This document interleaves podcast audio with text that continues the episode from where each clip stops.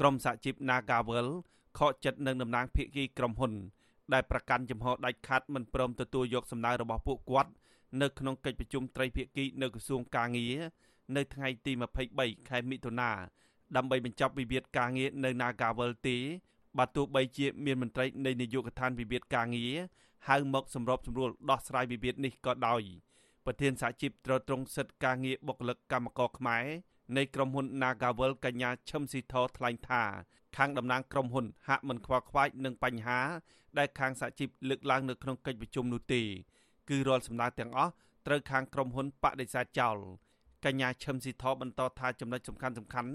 ដែលភាគីក្រុមហ៊ុនមិនព្រមទទួលយកនោះគឺបញ្ឈប់គម្រោងកាត់បុគ្គលិកនិងសហជីពជាង1300នាក់ទទួលយកបុគ្គលិកដែលបញ្ឈប់ឲ្យចូលធ្វើការវិញ និងទូទាត់ប្រាក់សំណងការងារឲ្យបុគ្គលិកស្របទៅតាមច្បាប់ ប្រធានសហជីពរូបនេះយល់ថាការប្រកាន់ជំហរដាច់ខាតបែបនេះគឺបញ្ជាក់ឲ្យឃើញច្បាស់ថាភាគីក្រុមហ៊ុន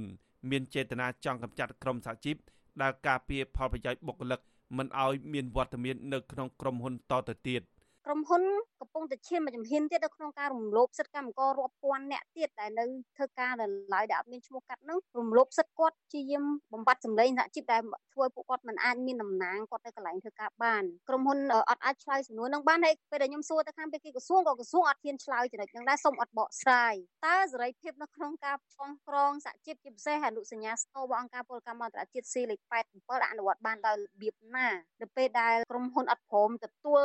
បុគ្គលិកទាំងថ្នាក់ដឹកនាំសហជីពទាំងតំណាងបុគ្គលិកអស់ចូលធ្វើការវិញហ្នឹងគឺយើងមើលឃើញថាឆន្ទៈរបស់ក្រុមហ៊ុនមោះមុតមែនតើនៅក្នុងការកំទេចសហជីពឲ្យចេញអស់ពីកន្លែងធ្វើការនឹងឯង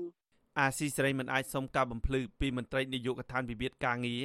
ដែលទទួលបន្ទុកដោះស្រាយវិវាទនេះគឺលោកពិនិត្យនិងប្រធានប្រតិបត្តិបុគ្គលិករបស់ក្រុមហ៊ុន Nagawal លោកម៉ៃងៃបានទេដោយទូរស័ព្ទរបស់លោកទាំងពីរមិនអាចតាក់ទងបានតាក់ទិនទៅនឹងវិវាទការងារដ៏រ៉ាំរ៉ៃមួយនេះ អ្នកគ្រប់គ្រងកម្មវិធីសិទ្ធិការងារនៃអង្គការសង្ត្រាល់លោកខុនតារ៉ូមានប្រសាសន៍ថា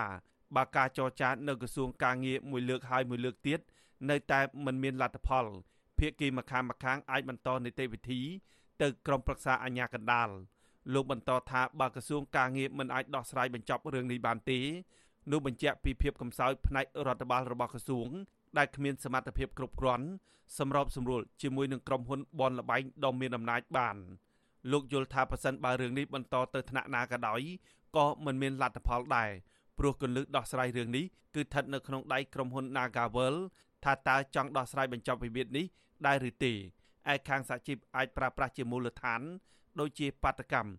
ឬកោតកម្មដើម្បីទាមទារដំណោះស្រាយរបស់ពួកគាត់ បើសិនជាវាមិនមានដំណោះស្រាយទេវាអាចមានជាសកម្មភាពដែលកម្មករនយោជិតគាត់ប្រើប្រាស់សិទ្ធិជាមូលដ្ឋានរបស់គាត់នៅក្នុងការបោះឆ្នោតធ្វើកោតកម្ម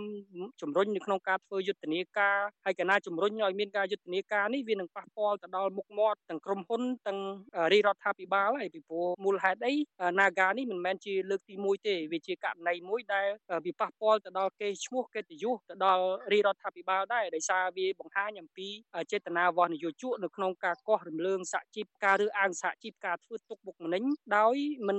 ព្រមនៅក្នុងការធ្វើការងារក្នុងការកសាងទំនាក់ទំនងវិជ្ជាជីវៈល្អជាមួយនឹងសហជីពនៅកន្លែងការងារកាលពីពេលថ្មីថ្មីនេះក្រុមហ៊ុន Casino Nagavel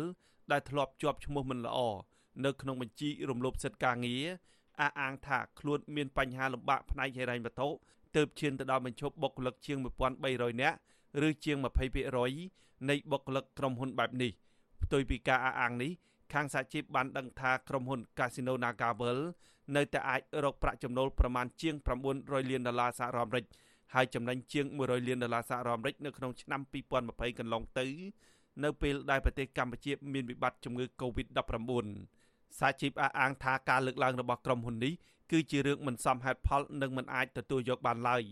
សហជីពយល់ថាការបញ្ឈប់បុគ្គលិកជាសមាជិកសហជីពនិងមេដឹកនាំសហជីពដែរនោះ គឺជាការរើសអើងនិងមិនចង់ឲ្យមានវត្តមានសហជីពនៅក្នុងក្រុមហ៊ុនតទៅទៀតព្រោះធ្វើឲ្យបុគ្គលិកទទួលបានផលប្រយោជន៍ការងារច្រើនពីក្រុមហ៊ុនសហជីពបានឲ្យដឹងថាគិតមកដល់ពេលនេះក្រុមហ៊ុនបានបញ្ឈប់បុគ្គលិករួមទាំងតំណាងសហជីពបានជាង900នាក់ហើយនៅសល់តែជិត400នាក់ទៀតខាងក្រុមហ៊ុននឹងបញ្ឈប់បន្តបន្ទាប់ទៀតភាគីទាំងពីរនឹងជួបចរចាម្ដងទៀតនៅដំណាច់ខែនេះនៅនាយកដ្ឋានវិវាទការងារបើទោះបីជាយ៉ាងណាខាងសហជីព នៅតែប្រកាន់ជំហរតវ៉ាតាមផ្លូវច្បាប់លុះត្រាតែភាគីក្រុមហ៊ុនព្រមទទួលយកសំណើរបស់ពួកគាត់ខ្ញុំបាទហេងរស្មី អាស៊ីសេរីពីរដ្ឋធានី Washington